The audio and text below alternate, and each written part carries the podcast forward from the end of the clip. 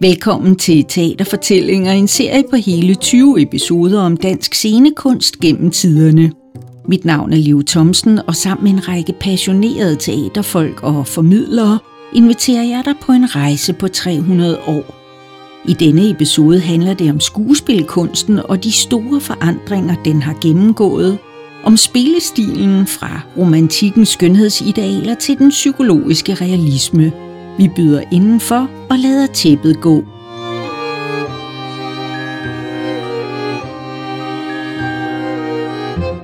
Ja, så siger jeg velkommen til Linnea Foss og Christoffer Bærdal, som er henholdsvis skuespiller og instruktør. Det skal handle om skuespilkunsten.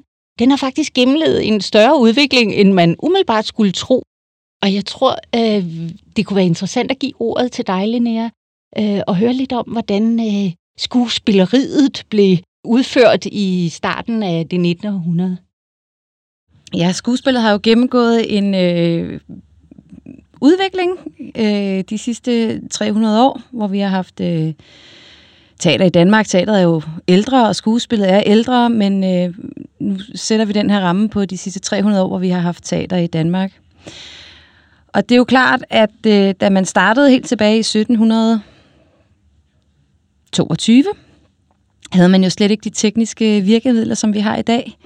Man havde levende lys i salen, og øhm, skuespillerne stod nede foran i proscenirammen, fordi der var ikke lys på bagscenen, og øh, de måtte stå i en halvbue. De var dårligt oplyste, det vil sige, at skuespillet var meget, meget stort og meget gestikuleret.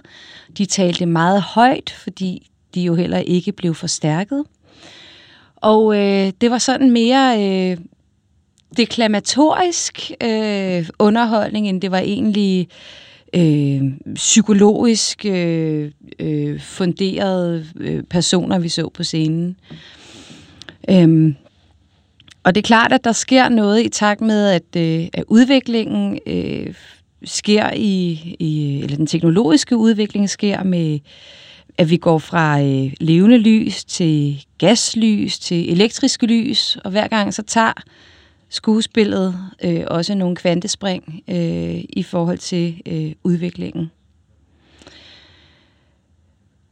Før 1886, hvor vi fik det kongelige teaters elevskole, der var det faktisk bare almindelige mennesker, som søgte til teatret. Det vil sige, de havde ikke rigtig nogen håndværksmæssige øh, forudsætninger, heller ikke nødvendigvis talent, øh, i forhold til at, at gå på scenen.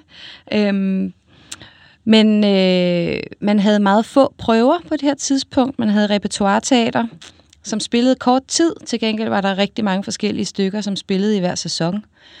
Og det betød, fordi der ikke var nogen øh, egentlig instruktion eller nogen egentlig instruktør til stede, øh, som vi kender det fra i dag, at øh, skuespillerne faktisk øh, fik hver deres rollefag at bestride.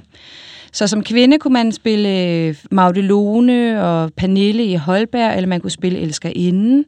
Øh, som mand kunne man spille Elskeren og så fremdeles. Øh, og det var i virkeligheden øh, et rollefag, som man arvede fra sin forgænger.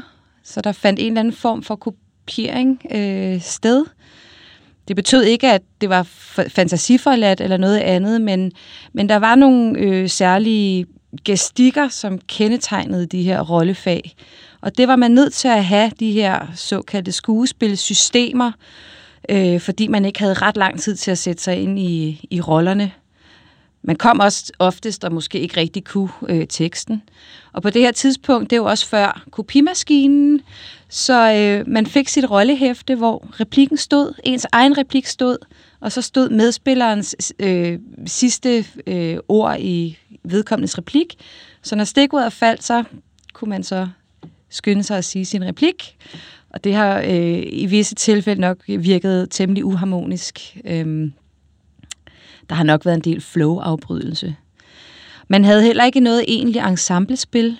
Det var sådan meget øh, helt tilbage, da man stadig stod i halvbuen, der den, der havde replikken, eller monologen, trådte frem og øh, sagde sin øh, monolog, og, eller sin tekst, og trådte tilbage på i halvbuen igen og så videre.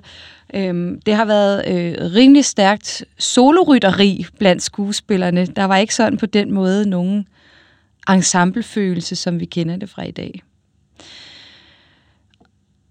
Omkring enevældens ophør, der, øh, der sker der noget i forhold til den måde, man fortæller historier på, fordi øh, man har hidtil, øh, altså efter oplysningstiden og egentlig romantikken... Hjælp os lige, hvornår er det enevælden bliver ophævet? Ja, enevælden bliver ophævet i 1849. Øhm, der øh, har man ligesom, der har det været den, det romantiske teater, som har domineret øh, fortællingerne, og det er egentlig bare kort fortalt, øh, at man stræber efter det skønne, den ideale verden, fordums storhedstid med bagtastene og brede bøge og det hele.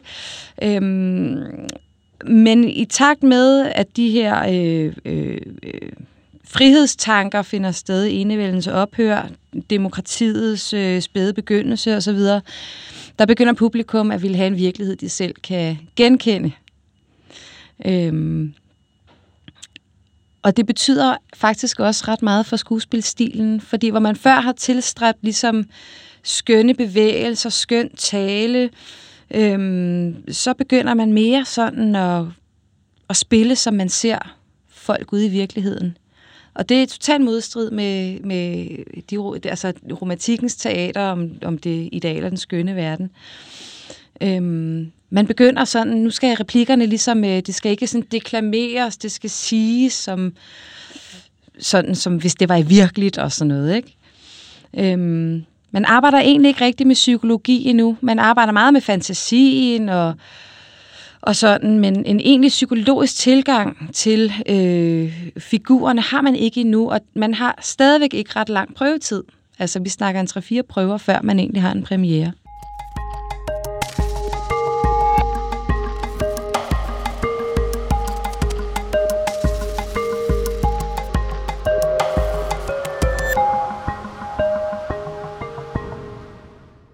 Og så i 1870'erne, så sker der en hel masse, fordi øh, nu står vi lige på grænsen til det moderne gennembrud. De unge norske forfattere, Ibsen og Bjørnstjern Bjørnsson, øh, øh, stykker bliver antaget på teatrene i København, og og, og Ibsen, han øh, forsyner jo, og det er helt nyt det her, han forsyner jo sine stykker med lange, lange, lange, lange regi-noter. Øh, øh, noter.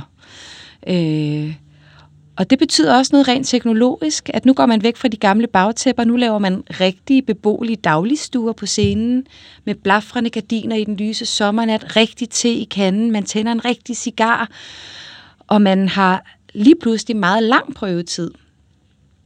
Og hele det her kommer også af, at vi i Danmark, øh, øh, eller på det kongelige teater, øh, træder en ny instruktør ind på scenen, der hedder William Block, som faktisk bliver kaldt for den danske forgænger for Stanislavski, fordi han er optaget af psykologien øh, i forhold til Ibsens tekster især. Øh, man kan måske også sige, at det, der jo også sker med, med, med teksterne, grund til det op, er jo også, at teatret for, fra ligesom at have lavet romantiske komedier eller tragedier og kongedramaer, lige pludselig skal begynde at skildre det almindelige menneske, det vil sige teatrets projekt forandrer sig i forhold til en mere form for, for dannelses- eller genkendelsesprojekt, så derfor er det lige pludselig sig selv, teaterpublikummet skal se op på scenen, og det er også den der form for realisme lige pludselig te og cigar og et rigtigt vindue, man kigger ud af. Præcis. Og den fjerde væg bliver også ligesom indført her, ikke? så publikum fra egentlig at have været rimelig deltagende, bliver egentlig, øh, de bliver voyeurs man kan kigge på noget og lære noget om sig selv. Ja, det er det. Og så, øh, og så sker der jo det, at William Block, den her instruktør, øh, han tager initiativ til, på opfordring fra det kongelige teaters unge skuespillere, øh, til at etablere en øh, skuespiluddannelse. De mangler simpelthen øh, værktøjer øh, i hele det, den her nye spillestil. Øh, hvordan, hvordan, hvordan går man til en tekst, hvordan går man til en rolle, der skal være et helt menneske, som skal være fyldt af indre liv, kan man sige. Og der starter så det Kongelige Teaters elevskole. Øhm, og det, øh, der sker også en hel masse spændende om, altså, i de år der. Og det ved du lidt mere om, Christoffer. Jamen, det, altså, der begynder jo den der mere sådan psykologiske tilgang, altså man kan sige, så man har jo også et repertoire der stadigvæk, fordi man har en, en, en meget stor Holberg-tradition, der jo lever ved siden af det her ja. sted, så man kan sige, som, som på en måde jo også... Øh, Altså Holberg er jo også forankret i Commedia dell'arte, altså det vil sige, øh, at der er ligesom nogle bestemte stereotyper eller masker, man kan sige, og derfor, som du også snakker om før, Linnea, det med, så havde man ligesom rollefadet af, man var tjenestepigen, eller man var den unge elskende, og så blev man den sjove bonde. Altså, så det er ligesom, det, det, det, det er to teatertraditioner, der lever ved siden af hinanden, og man kan også sige, at, at, at uddannelsen sådan set også jo er, at på en måde skal skuespillerne jo beherske begge dele, men måske også det der med fra, som du snakker om, at, at mesterlærerfaget bliver ligesom lidt mere systematiseret. Altså man ser ikke på en ældre kollega og på en måde gør det, vedkommende gør, og så vil det jo automatisk blive ens egen. Altså lige pludselig, så, så begynder man egentlig også at se på, hvor, hvad er det, hvor ligger dit eget udtryk i det, fordi man kan sige, at det bliver øvet i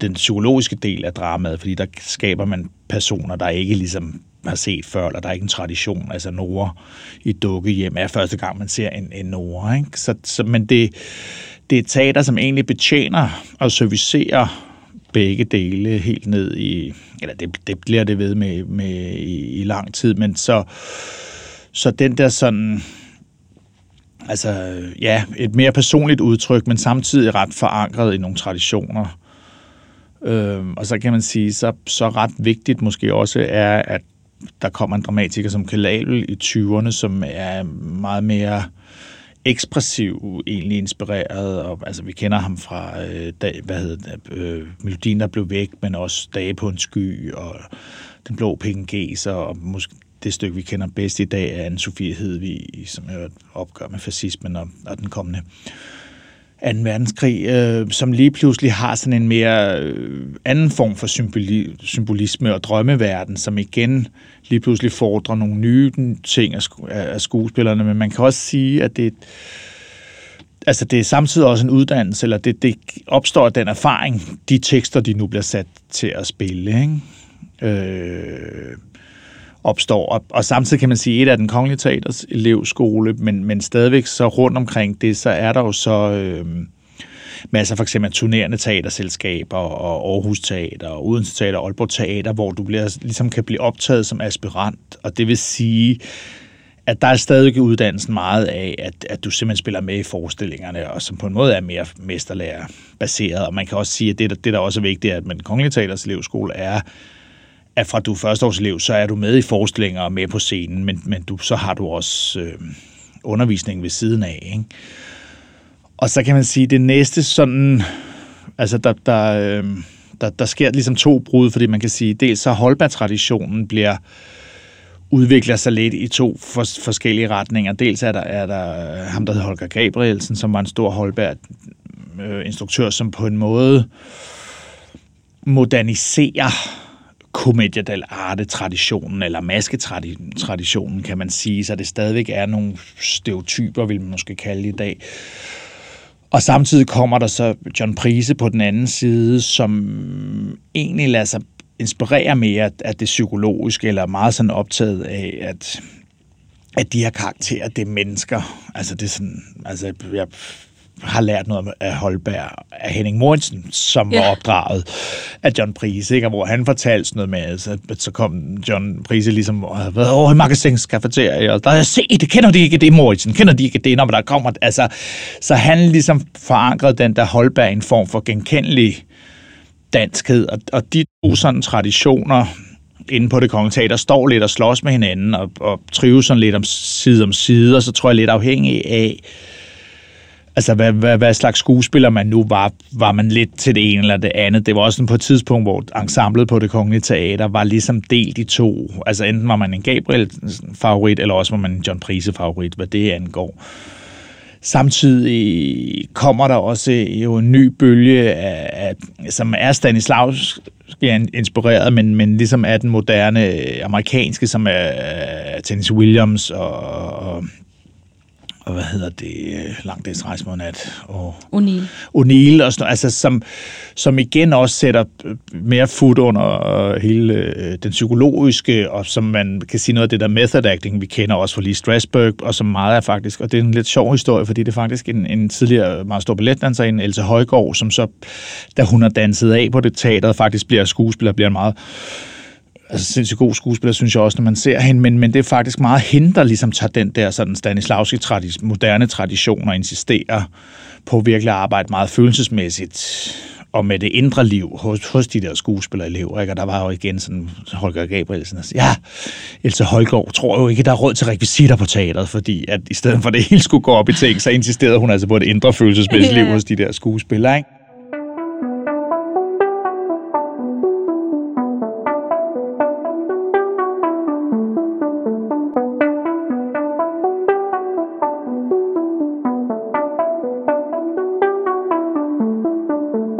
Så tingene begynder ligesom at, at tage nogle, nogle forskellige retninger, men, men samtidig sjovt nok er den der Holberg-tradition altså stadigvæk ryggraden i det, og man bliver jo ved med at, at at have et Holberg-repertoire.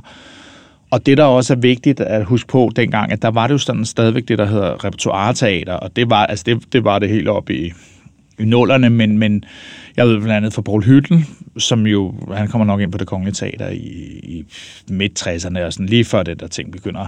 Og han har fortalt, altså han kunne sådan ligesom 16-18 roller, havde han i repertoire. Det kunne han ligesom risikere, at det kom på plakaten, ikke? Men som stadigvæk også var lidt sådan, i hvert fald hele Holberg-repertoireet. Altså han var en Henrik, så var det ligesom dens type roller, han havde. Så skulle man selvfølgelig huske tekst, men der var altså... Så det er sådan et sted imellem det der psykologiske, personlige udtryk, og så alligevel også en form for, for maske-tradition, kan man sige, der kører. Samtidig sker der jo så det, at der i slufferne opstår det, der hedder privatteaternes elevskole, og det vil sige Folketeateret og det nye teater og nogle flere teater går sammen og har deres elevskole, fordi de blandt andet synes, at den der Holberg-tradition fylder for meget og sådan noget i forhold til det. Altså, de spiller et meget mere moderne repertoire, så det er det, de ligesom satser på, som har undervisning, ikke helt så meget som på det kongelige, men har noget undervisning, og samtidig at, at aspiranterne spiller sig også med i forestillingerne. Så man kan sige, det der ligesom er gået igennem historien er, at, at, at det jo i høj grad er et mesterlærerfag, og man har lært det af at gøre det sammen med nogle kollegaer, der, der kunne, og lært det på den hårde eller på den rigtige måde, det kan man jo diskutere. altså, når man er også på en måde at sige, det, det opstår også i møde med publikum, så det er faktisk først derinde, du rigtig kan forstå det ved at spille med. Ikke? Og så er det klart, at du ikke sat til at spille Hamlet, men måske nok mere ham, der kom med brevet, ikke? Som en del af det. Og dit, altså det udvikler sig op igennem, hvad hedder det, altså 50'erne og 60'erne, og så kan man sige, at der, altså der, der er jo også andre, efter krigen kommer der jo en form for absurdisme, som bliver, bliver samlet op, men som blandt andet er faktisk øh, en skuespiller fra Aarhus Teater, Ulf Stenbjørn, som er meget optaget af Beckett og UNESCO, og han er faktisk den første herhjemme, der laver Hvem er bange for Godot på, jeg kan sgu ikke huske, om det er på Aarhus eller på Svalegang, men altså, så den tradition bliver ligesom også udviklet, så man har hele tiden øh, øje på de der nye retninger, men der er sådan et, et, et eller andet mærkeligt spænd af Holberg kontra øh, psykologisk realisme, hvad det nu er for en størrelse. Man kan også kalde det en form for virkelighedsgenkendelighed, er måske en, øh, en, en bedre måde at kalde det. Men så kan man sige, så i... Så sker der noget med ungdomsoprøret, Lige ikke? præcis, ikke? Fordi lige pludselig kommer hele 68 og nye værdier, og det er noget gammelt lorteteater, de laver derinde, ja. og de taler, de spiller duart, og, og det, altså, så, det, så kan man sige, så starter der en masse børne- og ungdomsgrupper, som ligesom er selvbestaltet. Og politiske også. Ja, altså det lige pludselig bliver ikke propteater og hvad hedder det, berømte titler som vi er alle i samme båd. Ups, der sidder min arbejdsgiver. Et dejligt stykke fra Fiolteateret i 72. Eller fra Fairplay. Mor, hvem er arbejdet? Ja, øh, så, altså, så hele den brydning begynder, men, men, men man kan også sige, at det, der begynder også, altså de privatteaternes elevskole bliver lukket, og det kongelige teaters elevskole bliver faktisk også lukket, fordi man ender med så at danne det, der hedder øh, Statens Teaterskole, som starter i 69, mener jeg det er. Det er det. Ja, der er det første optag, ikke? Jo. Og, så, øhm, og, som, og lige pludselig kan man så sige, der sker der faktisk det, at også at teaterskolen bliver rykket væk fra teateret, fordi de ryger simpelthen ud på Holger Danskes var i en gammel øh, vinfabrik, eller vinlager, og, øh, og, og lige pludselig så sker der et, et, jo et kæmpe skred i det, og er en meget mere... Øh, altså en helt ny slags undervisning. Blandt andet kan man sige, at improvisation, altså ham, der hedder Keith Johnstone, Ja. som har opfundet improvisation, han bliver fast lærer derude. Der er en John McEwan, altså så det er lige pludselig, i stedet for den, sådan, altså den psykiske realisme er der også, men det bliver en meget mere eksperimenterende og en meget mere både improvisatorisk, men også sådan fysisk tilgang til teater, der opstår derude i 70'erne, og der er sådan en, en konflikt også imellem det nye, ud og kan de overhovedet sige replikker, disse unge mennesker, og kan vi tage dem ind på det kongelige, og for eksempel er det sådan en meget stor ting, er sjovt nok, at, at uh, Birte Neumann er en af de første, der blev uddannet, og som faktisk så blev engageret ind på det kongelige, og der er stor skandale, og jeg, jeg ved så for Birte, altså hun var ikke velkommen, altså det var faktisk så John Prise, der ville have hende, men nogle af de jævnaldrende, som var uddannet, de sidste uddannet på det kongelige teaters elevskole, ingen nævnt, ingen glemt, altså de synes ikke, det var specielt fedt, og hvad kunne hun overhovedet noget og sådan noget. Ikke? Altså, så, så det er sådan også en brydningstid, hvor, hvor mange udtryk står over for hinanden. I den periode, der, altså dels i starten har Aalborg, det tror jeg, mens Ebbe Langberg er stadigvæk er chef deroppe i, i slut 60'erne, start 70'erne, han har en elevskole. Og Aarhus og Odense Teater har en elevskole, hvor man kan sige, at der er undervisningen stadigvæk, altså, der, der, som har mere, hvad skal man sige, holder fast i det der mesterlærerprincip, fordi det er instruktører og skuespillere fra teateret, der kommer og underviser, og man er hurtigere integreret og bliver en del af forestillinger og har scenetjenester og sådan noget. Så man kan sige, der, der kører ligesom i virkeligheden to spor i mange år, som er elevskolerne på, på henholdsvis Odense og og Aarhus, og så Statens Teaterskole. Og man kan sige, det der så også er afgørende for, for Statens Teaterskole, det er, at man ud over skuespiller uddanner man i første omgang det, der ligesom er, hedder teaterarbejdere. Men det dækker faktisk scenografer, instruktører og teaterteknikere. Så lige pludselig bliver de også en del af uddannelse, og altså instruktør- og scenograffaget har jo eksisteret, men, men specielt instruktørens rolle har hjemme i Danmark, fordi sådan er det faktisk ikke i Tyskland og Sverige og Norge nødvendigvis, men i Danmark har det ligesom været en skuespillerkollega, der satte sig ned ja. og kiggede på de andre og lige gav nogle gode råd og rettede til. Men, men faktisk begynder det lige pludselig at blive sit eget fag, som man også kan blive uddannet i. Ikke?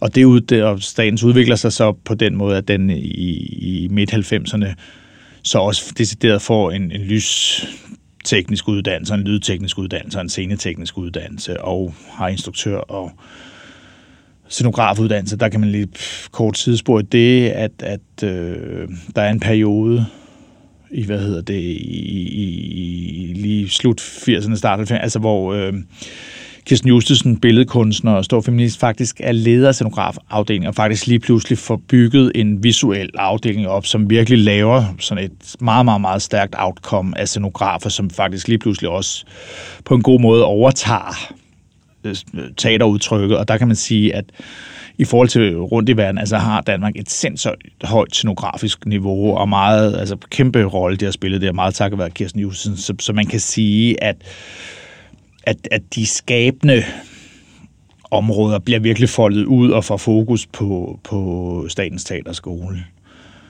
Øhm, og det, det sker ligesom op i, jo også gennem 80'erne, 90'erne og 0'erne, og så kan man sige, at, at, at det der, altså efterhånden er der jo mange retninger, og, og det, altså, det kan du jo også snakke om i forhold til, da du selv blev uddannet, øh, Linnea, hvad hedder, fordi jeg, jeg, jeg, jeg oplever det lidt, at det, der er sket med også skuespilleruddannelsen nu, er, at det ligesom, altså, det er blevet et ret meget stort tag selvbord, fordi på en eller anden måde, så, så skal øh, I som skuespiller servicere mange retninger, og I skal både kunne improvisere, og I skal også have noget psykologisk realisme, og I skal alligevel dog også kunne deklamere en tekst på en måde, og der er en form for fysisk tilgang til det, og improvisation, og viewpoint, og handlende analyse. Altså, så det, det er sådan, altså hvad kan man sige, det, det er blevet en meget mere fragmenteret øh, uddannelse i forhold til, de, de, at det også er nogle meget mere fragmenterede krav, der er til skuespillere, måske til os alle sammen, men man kan sige, som instruktør og scenograf har man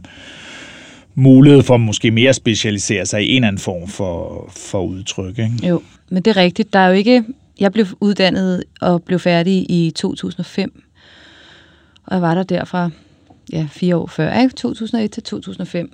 Og der var jo ikke nogen egentlig metode. Altså, vi, øh, vi kørte ikke bare Stanislavski, eller method acting, eller Meisner, eller hvad der nu findes af, af tekniske retninger inden for skuespillet. Det er fuldstændig rigtigt, som du siger, at vi blev virkelig præsenteret for rigtig mange forskellige øh, ja, teknikere og, og, og teaterundervisere med hver deres øh, måde. Og øh, det kunne godt være forvirrende en gang imellem, synes jeg. Sådan, hvor, nu står jeg her med en maske på, hvad er det, jeg skal... Jeg forstår ikke helt, hvad, hvorfor, eller jeg vil jo hellere spille Shakespeare, eller... Og jeg har... Nu har jeg så været færdig i 17 år, og sådan, og sådan helt øh, efterreflekterende, sådan, fik jeg jo virkelig mange værktøjer i min værktøjskasse. Og jeg har jo sådan set kunne så at sige, hækle min egen måde at gøre det sammen på. Ikke? Altså mit eget system, eller min egen tilgang. Og måske går det meget godt i tråd med, at vi er forskellige mennesker, som oplever og sanser og føler forskelligt i forskellige kontekster. Øhm, og jeg, kan ikke, jeg ved jo ikke, om det er godt eller skidt, men, øhm, men, øhm, men i hvert fald så, øh, så, var det den, så er det den uddannelse, jeg har fået. Øh, og nu ser det sikkert ud på anden vis, og du underviser også derude engang.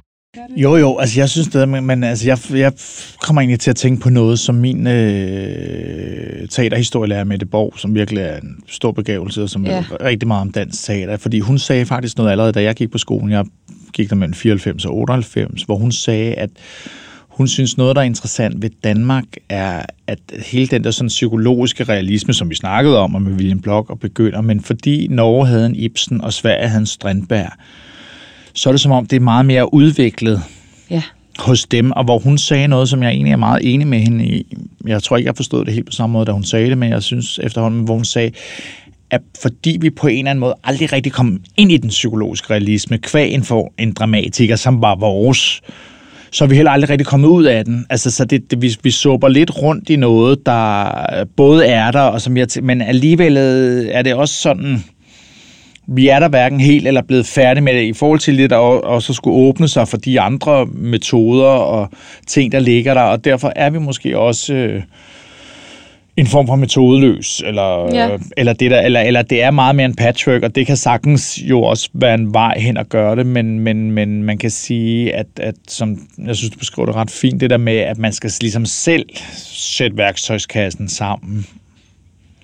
Og det, det kan jo være tage kortere eller længere tid, og det kan være mere eller mindre åbenbart, hvordan mhm. man gør det. Ikke? Altså, så derfor kan man også sige, at jeg synes, at nogle gange, og det, det står for egen regning, andre må gerne være uenige med mig, men jeg, jeg kan nogle gange savne, at vi har et mere udviklet sprog for vores arbejde i prøverummet, og hvad er det egentlig, vi laver, og også en større form for genrebevidsthed. Altså, hvad er det, altså, hvad, hvad er forskellen på at spille komedie og farse, og spille realisme, eller spille absurdisme, eller et eller andet? Fordi jeg synes sådan set, altså talentmassen er kæmpe stor, men der er et eller andet i det der uddannelseslip, som ligger, altså der, der, der er en form for, det er min, igen min analyse, men for mig er der en, der er en form for overlevering fra det kongelige elevskole over på statens teaterskole, hvor ligesom man klipper et bånd, i stedet for at have taget det med. Fordi jeg tror sådan set, det, altså det oprør var rigtigt nok, eller det man undersøgte eller manglede.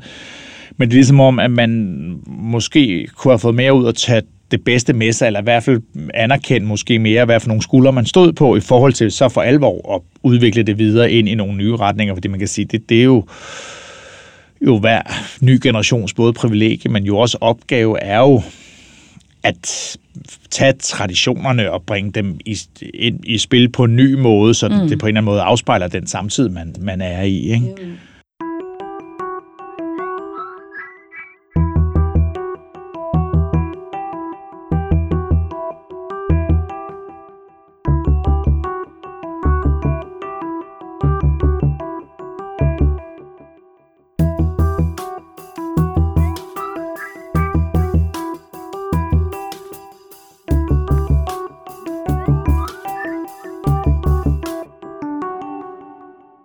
Det er jo også, altså det er jo interessant, du siger det der med, at vi mangler lidt et sprog, ikke? Fordi jeg kunne mærke her, da, da, da Liv spurgte, om jeg ville komme og sige noget om skuespillets udvikling og sådan noget, og, og så sagde jeg, at jeg kan godt lave det der historiske træk, men for mig er faget så og det er jo min tilgang til det, for andre har andre tilgang til øh, arbejdet som skuespiller. Men for mig er det enormt følelsesbåret og intuitivt, og det er enormt svært at sætte ord på. Og det kunne jeg godt savne, også når jeg underviser. Hvad er det, jeg gør?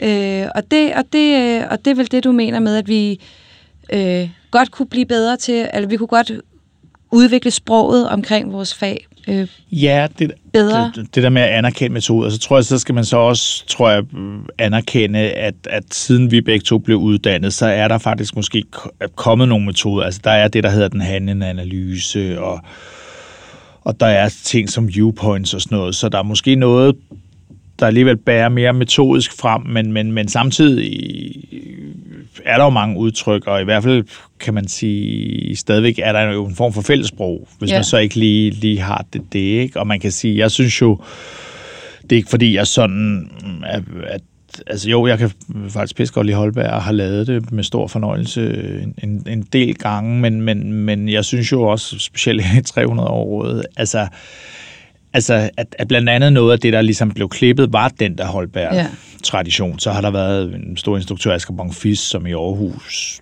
på Aarhus Teater, øh, har forsøgt at rete, altså revitalisere den med held, stort held, men alligevel er det sådan nogle enlige svaler, som jeg jo også fortalte om, da jeg skulle lave Holberg første gang i 2000. Altså, jeg havde aldrig lært, jeg vidste ikke, hvor jeg skulle gå hen, og så havde jeg tilfældigvis en, en, en, en tilgang til Hengen Mortensen, så jeg meget, ja. meget jo gerne ville dele ud af det. Ikke? Ja. Altså, og jeg synes jo for eksempel, at det, og det er ikke fordi, jeg bare synes, vi skal spille Holberg dag og nat, men, men han er sådan set en af vores store samtids, eller, eller en af vores store dramatikere, og på en eller anden måde, synes jeg også, når han lykkes, og når man mm, laver det både i respekt for ham, men også selvfølgelig for den tid, man er i, så er der ikke nogen, der har beskrevet danskhed på samme måde som ham. Og det, det, og det er jo sådan noget, for eksempel, jeg kan synes, der er ærgerligt, at det ligesom er røget ud med badevandet. Ja. Eller, eller kan man genopfinde det igen? Det kan man sikkert også. Men, men, men at der er, kan, altså, det er som om, at det der kort i 69, at det, det har også gjort, at nogle ting ligesom er blevet ladt tilbage, hvor man måske med held kunne have kunne se på det igen og have fået noget med sig i forhold til mm. en anerkendelse af, ikke at det skulle se sådan ud, eller vi skulle spille som hverken Holger Gabrielsen eller Blok havde ønsket sig, men, men hvad var det egentlig, de gjorde? Fordi altså man kan sige, det er jo blevet der, og det er jo blevet en succes på den, det tidspunkt, fordi det ramte noget mm. i sin samtid, og det er måske også altid det, der er teaters altså er jo afspejlet eller være i dialog med vores, vores samtid, og det ligger jo også i de udtryk, og de, så hvad var det, det kunne, og hvordan ville det så se ud i dag, eller hvordan skulle det se ud i dag for at kunne det samme mm. med en Holberg-tekst for eksempel? Ikke? Jo. Så hvis vi lige, for jeg tror, vi skal til at afrunde. Ja. Meget kort, hvor, øh, hvor er skuespillet på vej hen, som du ser det? Kan du gøre det kort? Kan det gøres Ja, eller det, nej, det, altså nu, oh, jeg mangler, jeg skulle tage min spåkugle med. Det glemte jeg at sige, ikke? Nej, men jeg synes det, jeg synes det, det i nogle forskellige retninger. Man kan også sige, at, at, at, at det er klart, at hele dansk film og tv succes har jo også øh, udviklet en mere filmisk spillestil, som nogle gange kan komme til, til kort på, på teateret. Ikke? Mm. Øh, så synes jeg, der er en meget sådan stor... Øh, visuel, fysisk undersøgelse i gang, som selvfølgelig, tror jeg, også afspejler hele den billedgørelse, hvor, hvor hele vores samfund har fået de, de, haft de sidste 20-30 år. Så man kan sige, der er en... Altså, jeg er spændt på, hvor ordet skal finde sin plads, om der mm. egentlig, om det er på vej ud, eller jeg, altså, at der, nu holder jeg selv også meget ord, så det, det, det er selvfølgelig også derfor, jeg siger det, jeg siger, men jeg, jeg tror nu egentlig også på, at til gengæld, at der er, kan være en eller anden form for længsel efter det, fordi jeg egentlig så også oplever, når, når teaterne nogle gange faktisk laver nogle tekster, hvor det er ordet, der er i centrum, altså er der faktisk også en ret stor tilstrømning til det, og ønsker til, så, så vi ligesom sådan man kan sige, det positive er, at, at, at vi har mange retninger og mange veje at gå og kan mange ting, og det er måske det, der er interessant, er at få startet en samtale om, hvad er det egentlig, de forskellige redskaber kan, og så vi aktiverer og udvikler det sprog, fordi så tror jeg egentlig, at vi kan komme ind i mange verdener, og det kan man sige, det er jo måske også godt, fordi verden er så fragmenteret, så mm. vi skal jo kunne afspejle på mange måder, hvis vi egentlig bare siger, at vi skal lave dan- teater i Danmark, der afspejler alle dem, der er i Danmark. Ikke? Jo. Det var nogle flotte sidste ord, Christoffer. Jamen tak, og det har været en fornøjelse. Tak fordi du ville være med. Jamen øh, tak fordi jeg måtte.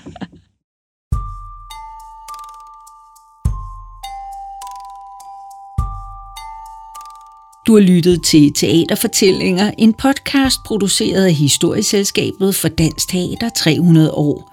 Lyden stod Per Bulle Aks for, og musikken, ja, den er fra Upright Music.